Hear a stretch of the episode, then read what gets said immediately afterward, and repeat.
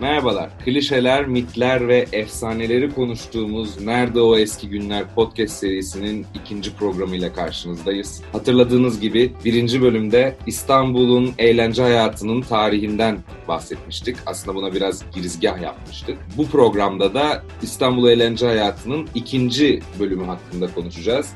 Ben Cenk, arkadaşım Emre ile karşınızdayım. Merhaba Emre. Merhaba Cenk. Bir önceki programla da bağlantı kurabilmek adına bir önceki programda sen çok enteresan bir tarihsel bilgiden bahsettin. Pera Palas'ı biraz konuştuk. Daha sonra Maxim kulübü mü diyelim o ilk baştaki haline. Taksim'deki Maxim'in açılışına ve o Maxim'i siyahi bir Rus olan Frederick Bruce Thomas'ın Amerika'dan gelen, Moskova'ya giden, Paris'e giden, Moskova'ya giden daha sonra Türkiye'ye yerleşen Frederick Bruce Thomas'ın açışına şahit olduk. Bunu konuştuk. Şimdi oradan biraz alabilir miyiz Emre? Şimdi evet geçen hafta dediğin gibi en son e, Frederick Thomas Bruce'un yani Black Russian'ın siyahi Rus'u Türkiye'ye getirmiştik ve ardından o Maxim gazinosunun isim babası olduğunu söylemiştik. Şimdi Maxim'e bugün biraz değineceğiz zaten. E, büyük Maxim'e değineceğiz 60'lı yıllardaki. Onun öncesinde işte Cumhuriyeti kurduk. Cumhuriyetin ardından yeni bir milli bir mefkure var. Yeni bir hedef var. Yeni bir devlet oluşturuluyor. Bu doğrultuda bazı alışkanlıklar değişiyor. Daha nüfus daha homojenleşiyor. Daha Türkleşiyor ve sermaye değişimi muhakkak oluyor ve sektörlerde de eğlence sektörüne de bu yansıyor ve eğlence sektörü de artık daha Türk ve Müslümanların eline geçiyor. 20. yüzyılın başlarında Arkadi gazinosu, Dimitri'nin gazinosu, işte Emperyal Bahçesi gibi yerler var. Bu tip yerler işte adı üstünde daha gayrimüslim işletmeler, onların işlettiği yerler. Ardından beyaz Rusların gelmesiyle onlar gece hayatına bir farklı bir renk katıyorlar. Onların getirdiği en temel şey dans. Yani o müziğe bir dans katılıyor. O Alaturka müziğin olduğu yerlerde artık dans ve revü gibi işte daha performans sanatları katılıyor. Ve ardından Beyaz Ruslar gidiyor. Gayrimüslimler de işte çeşitli sebeplerle gitleri için ülkede artık daha derin ve Müslümanların hegemonyası altına giren bir eğlence dünyası var. Dans demişken notlarımızı çıkarırken biz seninle biliyorsun bir ayrıntıya denk geldik. Bana çok ilginç geldi açıkçası. Ben böyle bir tarihsel bilgiyi daha önce karşılaşmamıştım. Şimdi Charleston diye Amerika Güney Carolina kökenli bir dans var. Charleston dansı bu. Bütçesini de söyle. Şimdi işte onu söyleyeceğim. Charleston dansı 1920'li yıllarda o işte hani o büyük buhran öncesi altın yıllar var ya işte Paris'te Avrupa'nın çeşitli yerlerinde. Birinci Dünya Savaşı bitmiş. Daha buhran da olmamış. O dönemde Josephine Baker biliyorsun Avrupa'ya bu Charleston dansını tanıtıyor. Amerika'nın o Güney Carolina'nın dışına çıkıyor bu dans. Ve Türkiye'ye de geliyor. Türkiye'de de bu Charleston dansına insanlar Charleston dansı diyorlar. Charleston biber gibi düşün. 1926 yılında İstanbul Belediyesi bu dansı yasaklıyor. Allah Allah. Şimdi benim okuduğum yorum şu şekilde. Dans yasaklandı. Bu hani İslami usullere uygun değil falan gibi bir bahaneyle değil. Ciddi oranda yaralananlar oluyor bu dansı yapar. Yani hastanelere başvurular oluyor. 26'da İstanbul'da bu dans bir süre yasaklanıyor. Mesela bu tabii o dönemde sanırım aynı dönemlere denk geliyor değil mi o bahsettiğimiz işte Rusların da dansı getirmesi, dansın daha yaygın bir hale olması. Evet. Dediğin gibi böyle danslar geliyor. O zaman ithal edilen bu tip danslar var. Bunların biri Charleston, biri tango gibi şeyler var. Daha sonra eğlence yerlerinde örnek veriyorum Tepebaşı Gazinosu, Tepebaşı Bahçesi diye de geçiyor gibi yerler ön plana çıkıyor. Bu tip yerlerde Müslüman işletmeciler görev alıyor demiştim. Bu Tepebaşı Belediye Bahçesi'nin eğlence sektöründe daha cazip hale gelmesinin en temel yılı 1942. Çünkü o zaman orada bir revü yapılıyor. Bu revü işte Safiye Ayla burada e, rol alıyor ve bu gösteri bayağı popüler oluyor ve o dönem için bayağı trend bir yer haline geliyor burası. Safiye Ayla tabii o dönem için çok önemli bir Alaturka müzisyen e, musikinin en önemli gelmiş geçmiş e, sanatçılarından biri olarak kabul edilir. İşte daha sonra biraz bahsedeceğiz. Müzeyyen Senar olsun, Zeki Müren olsun. Bu üçlü hakikaten ayrı bir yerde olduğu söylenir. Hem popülarite açısından hem icra açısından. Çok kısa bir notum var. Alaturka müzik, şimdi yeni Türkiye Cumhuriyet kurulurken bir amaçlardan biri de yeni bir her alanda yani ülkenin hemen hemen her alanına bir şekilde batılılaşma, Osmanlı ve daha geçmişle hesaplaşmanın verdiği bir rovanşizmle e, bir daha batılılaşma anlamında adımlar atılıyor. Bu Alaturka müziğe de yansıyor. Hatta ünlü bir şey vardır. 1934'te Alaturka müzik yasaklanıyor. Bu yasak nerede uygulanıyor en çok? Radyolarda uygulanıyor ve yaklaşık iki sene boyunca radyolarda Alaturka müzik ve türkü yasak hale geliyor. Bunun tabii amacı bir, bir hedef var. Daha batılılaş, batılılaşan bir musiki, daha batının anlayacağı, batı, batının e, müzik aletlerinin kullanacağı bir klasik müzik empoze edilmek isteniyor. Ancak atıl kalıyor. Akamete uğruyor bu süreç. Çünkü 1934'ten sonra 2 yıl diyorsun. 2 yıl. Yani 1936'ya kadar süren bir deneme diyebiliriz buna. Ya zaten o dönem hani işte Türkçe ezanını da katabilirsin. Alfabenin değişimini de katabilirsin. Birçok alanda var bu yani. Bu dönüşüm yaşanma, yaşatılmaya çalışılıyor ama yine birçok alanda da akamete uğradığını görüyoruz. Şimdi 1930'lara gelmişken 30'larda ne var? Sen zaten Tepebaşı Bahçesi'nden bahsettin. O dönemde yine o döneme hala daha işte e, popülerliğini koruyan Taksim Maksim'den yine bahsediliyor. Birkaç tane daha mekan ismi var gerçi. Pera Ambasadör denen bir mekan var. İstiklal Caddesi'nde Londra denen bir mekan var ama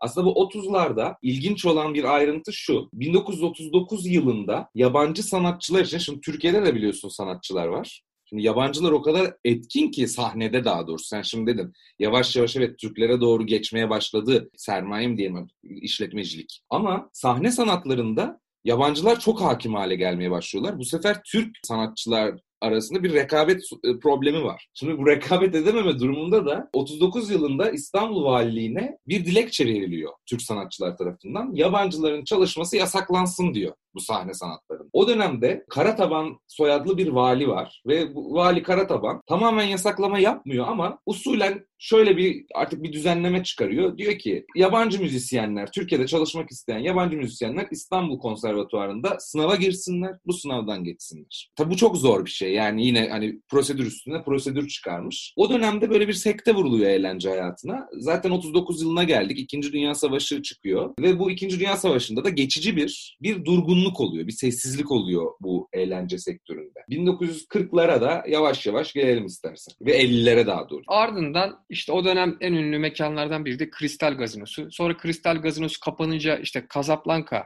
yani zaten adı üstünde o, o dönemin en ünlü filmlerinden biri. Hemen ardından Casablanca açılıyor ve 1960'lı yıllara kadar yine o e, popüler bir mekan.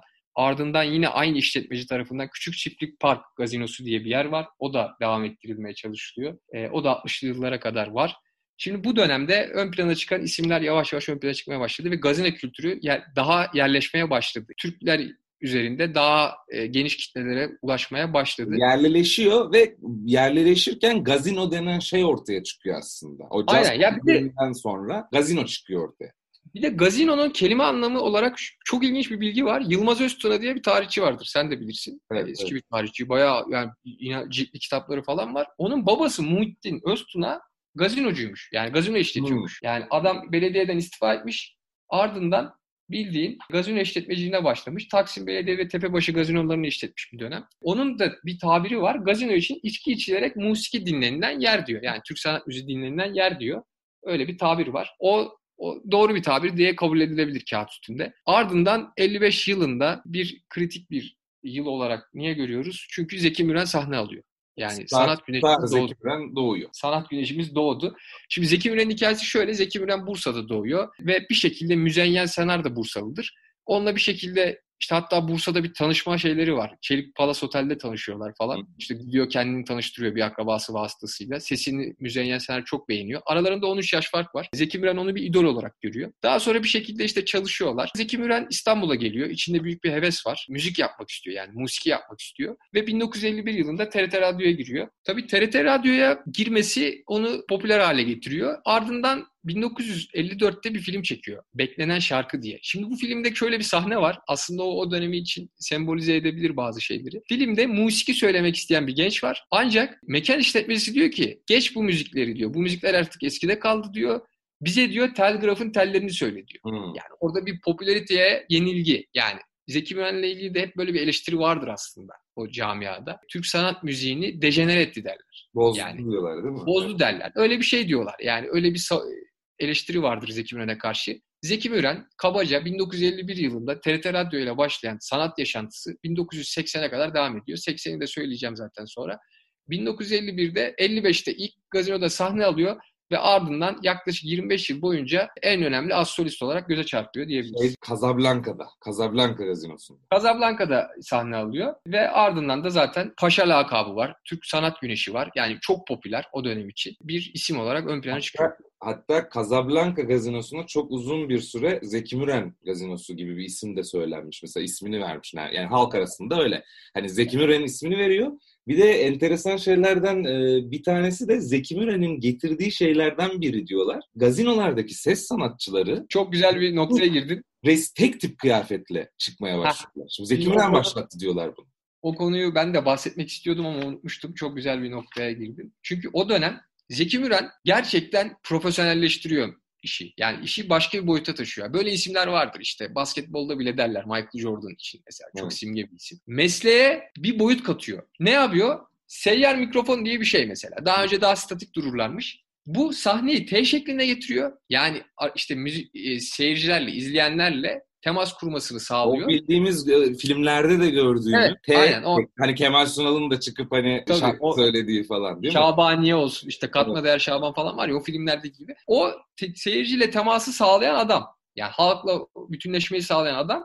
Ve senin dediğin gibi orkestrayı aynı tip kıyafet giydirmek zorunluluğu koyuyor. O hakikaten bir boyut katıyor ve bir saygınlık kattığı söyleniyor o dönem için. Gazino kültürüne. Şimdi biz 55 dedik işte. 50'lere gelmişken ben çok kısa bir şekilde çok da böyle detaya boğmadan bu TÜİK'in şehir ve köy nüfusu araştırmaları var ya oradan böyle bir şey söyleyeceğim sosyolojiyi anlayabilmek adına. 1927 yılından 1945 yılına kadar 18 yıl içerisinde kent nüfusu 792 bin kişi, 793 bine yakın kişi artmış. Ama bu oranı bir aklımızda tutalım bu sayıyı.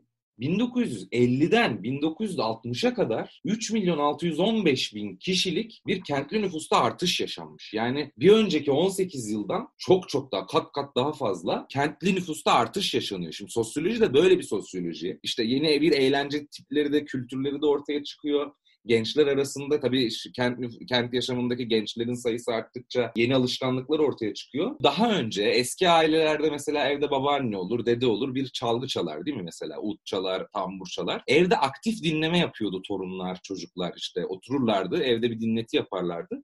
Bu insanlar bu alışkanlıklarını bıraktılar yavaş yavaş 1950'lerle de birlikte. Artık gazinolara gitmeye başladılar, eğlence mekanlarına. Buralarda daha pasif dinleyici oldular. Masalarında oturup ortadaki bir tane sanatçıyı dinler e, hale geldiler. Aynı yıllarda bu bahsettiğimiz Müjdat Gezen, bu hepimizin tanıdığı Müjdat Gezenler, Zeki Alasya, Metin Akpınarlar, işte Ateş Böcekleri bu komedi dünyasının isimleri de yavaş yavaş gazinolarda sahne almaya başlıyorlar. Az solist çıkmadan hemen önce e, sahne şovlarıyla. Evet, güzel bir noktada girdik. Artık gazinocular kralı Fahrettin Aslan'ın bölümü başladı. 1961 yılında, 60 yılında işte Büyük Maxim Gazinosu'na ilk önce ortak oluyor. Bu Taksim'deki ünlü. Ardından da bu ortaklığın ardından işte ortağında bir şekilde hisselerini alıyor ve tam patron oluyor. Ve 1961 yılında Büyük Maxim Gazinosu açılıyor. Bu gazinonun şöyle bir önemi var. Adeta Avengers filmleri var ya işte hmm. DC Comics olsun, Marvel olsun bütün yıldızları bir araya getiriyor. Yani All Stars. All Star gibi yani Fahrettin Aslan'ın en büyük özelliği hakikaten o dönemki bütün popüler insanları aynı şemsiye, aynı çatı altında buluşturabilme becerisi.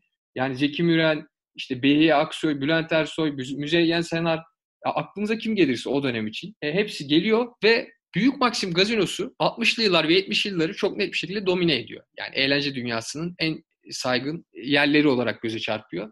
Ve e, Fahrettin Aslan bunun yanında Taşlık, e, Bebek ve seninle ortak evet. olarak e, değinmek isteriz Cadde Bostan.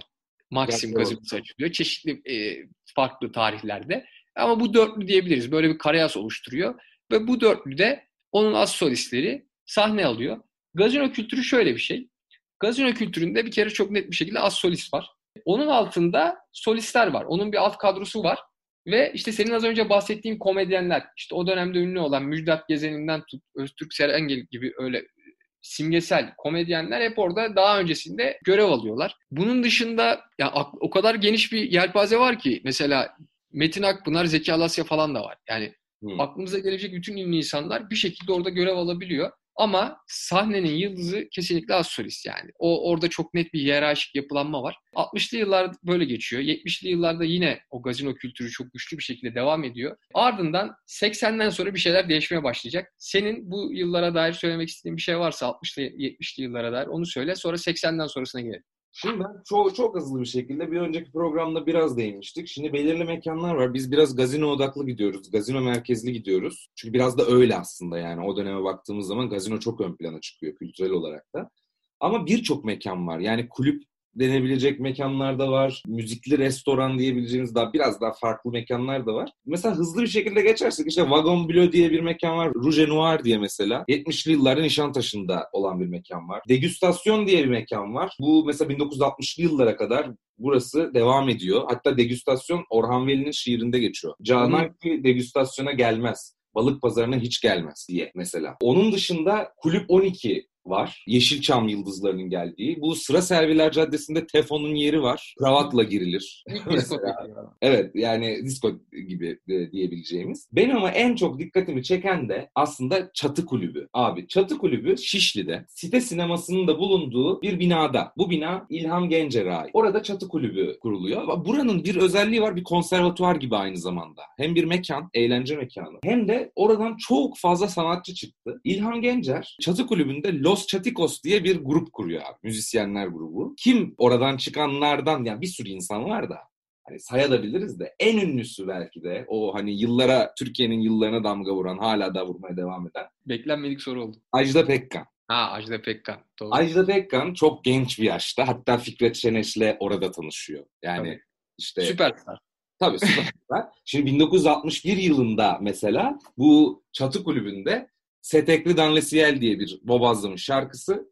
Fecri Ebcioğlu ile birlikte İlham Gencer burada yine bu şarkıyı ilk aranjman şarkı deniyor mesela. İşte bak bir varmış bir yokmuş boğaz içinde. Burada da bunu işte Ajda Pekkan'ı, Ajda Pekkan buradan çıkanların en ünlüsü. Oradan e, sahneye çıkıp ünlü olanların. Aynı şekilde Ayten Altman mesela burada. Cem Karaca, Barış Manço, Emel Sayın, Metin Ersoy, Fikret Kızılok falan. Buralardan yani bu çatı kulübünden geçiyor. Yani bu, bir sıralarsak bu mekanlar mesela öne çıkıyor. Onları söyleyeyim. Bence Ajda Pekkan'a şöyle bir parantez açayım. Yurt dışına ihraç edebileceğimiz en potansiyel sanatçıydı herhalde oydu. Yani o dönemler için. Çünkü dile daha yatkın. Hani dil biliyor mu açıkçası bilmiyorum. Fransızca bilmiyor da. Frans yani şarkı okuyabiliyor ama Almanca okuyabiliyor, Fransızca okuyabiliyor, evet, İngilizce okuyabiliyor. Yan Gencer'de de var bu arada. Birbirlerine o yüzden çok benziyorlar da o hoca öğrenci. Yani İlham Gencer'in şeyi var. Ben hani işte atıyorum şu an, 4 e, dil biliyorum ama 15 dilde şarkı söyleyebiliyorum. Bu Ajda Pekkan'da da var aynısı. Aynen. Öyle bir yetenekleri var. Yani bu tabii çalışmaya da alakalı bir şey. Bir de Ajda Pekkan hakikaten çok çalışkan. Zaten 60'lı yıllardan beri işte sen söyledin hala devam ediyor yani. Yeni bir şeyler üretmiyor. Beste yapma özelliği yok. Mesela Zeki Müren'de o var. Zeki Müren hakikaten iyi bir besteci. Böyle artıları var. Ama iyi bir icracı diyebiliriz Ajda Pekkan için. Şimdi 80 darbesi aslında müziğe direkt yansıması yok ama sosyolojik bir yansıması olduğu için müzik sektörüne de etkiliyor. Sen 50 yıllara iyi vurgu yaptın. 50 yıllar Türkiye siyasi tarihinde hep şöyle denir. Göçün, Anadolu'dan göçün en yoğun olduğu yıllar olarak kabul edilir. Bu böyle. 80 yılı ise birçok açıdan zaten dönüm noktası 12 Eylül. 80 yılından sonra artık gazinoların yavaş yavaş ömrü sona eriyor. O şaşalı dönem sona eriyor. Bunun için farklı faktörler var. Neden sona eriyor gazinoların çağı diye düşündüğümüzde. Birincisi eski gelen, ekolden gelenler, işte o güçlü olanlar, işte Hamiyet Yüceses, Müzeyyel Senar, Beyi Aksoy gibi böyle bunlar TRT Radyo kökenliler. İyi eğitim almışlar. Mesela o zamanlarda işte biz bir gün seninle Türk, Türk musikisini konuşursak ki konuşmamız lazım. Çünkü Alaturka'nın süreci, evrimi, işte Cumhuriyet'in ilk yıllarında yasaklanması gibi çok önemli detaylar var. İşte Saadettin Kaynak, Selahattin Pınar gibi hakikaten o dönem için çok önemli bestecilerin bunları bunlar öğretmeni oluyor yani. Bunlar Saadettin Kaynak ve Selahattin Pınar'ın örnek veriyorum tedrisatından geçiyorlar ve güçlü sesleri olduğu söyleniyor. Yani o yüzden daha kapasiteli oldukları söyleniyor. Daha sonra bu kitle tabii ki işte Zeki Müren örnek veriyorum. 80 yılından sonra sağlık sorunları nedeniyle jübile yapmak zorunda kalıyor. E, Bülent Ersoy zaten cinsiyet değiştiriyor. O yüzden Yasak e, yasaklanıyor. 88'e kadar Özal affına kadar Özal onu özel olarak affediyor. Özal'ı affedene kadar yurt dışında olmak durumunda kalıyor. Bu arada Bülent Ersoy'un şöyle ilginç bir yönü var. Hem erkekken çok iyi, popüler hem de kadınken. Yani iki cinsiyette de çok popüler ve gazinoların aranan isimlerinden biri oluyor az solist olarak. E, ardından 80'li yılların ardından ilk önce arabeskin çok yaygınlaşması. Arabesk kültürü gazinoyla uyuşmuyor. Zaten e, bu Fahrettin Aslan'ın oğlu Sacit Arslan işte oranın bir nevi işletmecisi birçok bir dönem yapmış.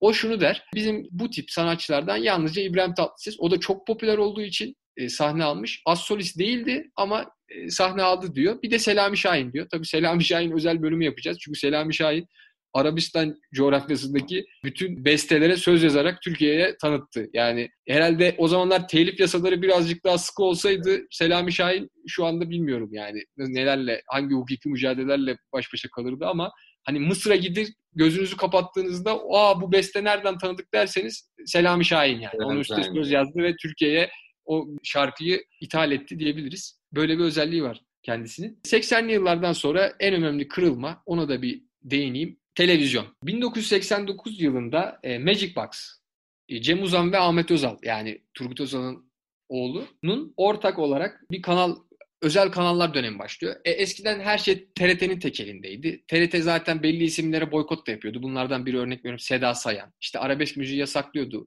vesaire ama 89'dan sonra özel kanallar dönemi başlıyor. Daha sonra 92'de Kanal 6 kuruluyor. Yine Ahmet Özal tarafından. Ardından e, sanatçılara artık ulaşmak o kadar zorlaşmıyor. Artık sanatçılar televizyon sektörü daha cazip ve popülerleşme anlamında, kitleselleşme anlamında daha kolay imkanlar sunduğu için oraya doğru bir kayış başlıyor diyebiliriz. Ve dediğim gibi eski ekolün sanatçıları özellikle 80'li yılların ortalarından itibaren e, sahneyi terk etmeleriyle Yeni gelen jenerasyon, buna bir örnek verelim. Seda Sayan mesela yeni bir jenerasyondan. İşte o dönem çok popüler olan Harika Avcı diye bir isim var evet. mesela. Bu tip isimler o eğitim düzeyinde olmadıkları için en azından bu bağlamda, Türk sanat müziği bağlamında olmadıkları Zaten için de... Teknikten bahsediyorsun tabii burada, müzik tekniğinden evet. bahsediyorsun. Tabii sonra gazino kültürü buna adapte olamıyor ve 90'lı yıllardan itibaren yavaş yavaş o perde kapanmaya başlayacak. Bir de kısaca Maxim'in şubelerinden Caddebostan Maxim. Ya o... o orası da büyük Maxim kadar etkili aslında. Diğer diğer şeyleri ben çok fazla bilmiyorum ama mesela Sibelcan ilk kez orada şarkıcı olarak sahneye çıktı diyorlar Caddebostan Maxim'de. Ya Caddebostan Maxim daha önce de eğlence mekanı. Hatta Orhan'ın yeri diye geçer. Ha, 76 Orhan yılında Orhan Ulueren'miş 1952'den beri sahibi. 76 yılında Fahrettin Aslan orayı da alıyor ve Cadde Bostan. Zaten biliyorsun denizin hemen kenarında. Ve bizim için seninle daha önce konuşmuştuk. Önemli şu. Daha sonra 96 yılında kapanıyor. E, Cadde Bostan Maxim gazinosu ve ardından oraya şu an Migros var. Yani şu an 3 May Migros açılıyor ardından evet. ve Migros dönemi başlıyor. Hani e, ilk öğrendiğimde şaşırmıştım. Bu arada bir detay verelim. Bunu bir yerden okumuştum birkaç yıl önce. Ebru Gündeş'in Fırtınalar şarkısı var biliyorsun. Yani evet şey yaptı, popülerite kazandı. O şarkının klibin ilk, ilk saniyelerinde o eski e, Cadde Bossa Maxim var. Yani Dünyası oradan gözüküyor. ben en net oradan gördüm şu ana kadar. Orada net bir şekilde gözüküyor. Yani kapısı gözüküyor tabii, içerisi gözükmüyor ama en azından varlığını orada görüyoruz 96 yılında. Gazino dönemi şöyle bitireyim. Dediğimiz gibi popülarite e, bitiyor, arabesk kültür, başka şeyler oluyor artık Türkiye'de ve gelenek şöyle yok oluyor. E, 2000'li yıllara kadar Büyük Maxim devam ediyor. Büyük Maksim'in son as solisti Petek Dinçöz oluyor. E, tabii bu biraz hani son çırpınışlar diyebiliriz. Hani Muhammed Ali'nin üçüncü kez boksa dönmesi gibi bir şey. Yani o yaşlı hali gibi bir şey. Hani üzücü aslında geçmişini bilenler için. Ardından Fahrettin Aslan 2005 yılında ölüyor zaten ve 2000'li yılların başında da Büyük Maksim gazinosu perdeyi indiriyor. Bir dönem bitiyor. Bu Büyük Maksim'in tekrar canlandırılma durumu da son olarak biraz şey yapalım. Bu e, Fahrettin Aslan e, Emel Sayın'la görüşüyor. Hatta şey kaydı da var. Videolarını falan da bulabiliyorsunuz. Sacit Aslan'la birlikte Emel Sayın bu üç üçlü Fahrettin Aslan, Sacit Aslan, Emel Sayın bir lansman yapıyorlar. Tekrar canlandıralım diye. Ama artık o devir bitmiş, akamete uğruyor dediğim gibi ve o süreç bitiyor. Bir şey de var. E, Neil Postman diye bir adamın Televizyon Öldüren Eğlence diye bir kitabı var. Bu araştırma yaparken ona da denk geldim. Orada da genel olarak şeyden bahsediliyormuş. Yani hani bu televizyon etkilerinden yani hani kültürel etkilerinden. Belki Türkiye'de dediğin gibi, söylediğin gibi bir kültürü de aslında genel olarak bitirmiş oluyor. Aynen. Ya şimdi o kültüre dair de şu var. Büyük Maxim Gazinosu sadece eğlence yeri değildi. Birçok işte medyanın, olsun güçlü isimleri, siyasetin güçlü isimleri her güce hemen hemen oradalardı. Ve orada hani çok temiz olmayan işler de yapılmış. Başka tarz ilişki ağları da var. E, medya, siyaset ve eğlence dünyası içinde. Ama sonuçta bir döneme damga vurmuş bir eğlence mekanı ve kültürel e, olgu olarak karşımıza çıkıyor. 96'dan Caddebostan kapanıyor. Büyük Maksim'de daha sonra kapanıyor. Ardından Eğlence sektörünü bir dahaki program herhalde onu değineceğiz. Etiler dönemi başlayacak. İşte gece evet. kulüpleri, barlar, bu tarz yerler. E, herhalde bir sonraki program onlara değineceğiz ve televizyonun etkisinden bahsedeceğiz herhalde. Yine çok bilgilendirici, güzel bir tartışma oldu seninle Emre. Çok teşekkür ediyorum. Valla e, The Boss Rıfat Özcan patronumuz da herhalde sonunda bir Zeki Müren'den bir şarkı koyar, bir Alaturka müzik koyar. O yasak getirmemiştir diye tahmin ediyorum. Bu herhalde o kadar teknolojik imkanımız vardır. Podcast'in sonunda Zeki Müren'den bir şarkı bekliyorum. Evet, teşekkür ederiz. Bizi dinleyenlere de çok teşekkür ederiz. Bir sonraki programda görüşmek dileğiyle.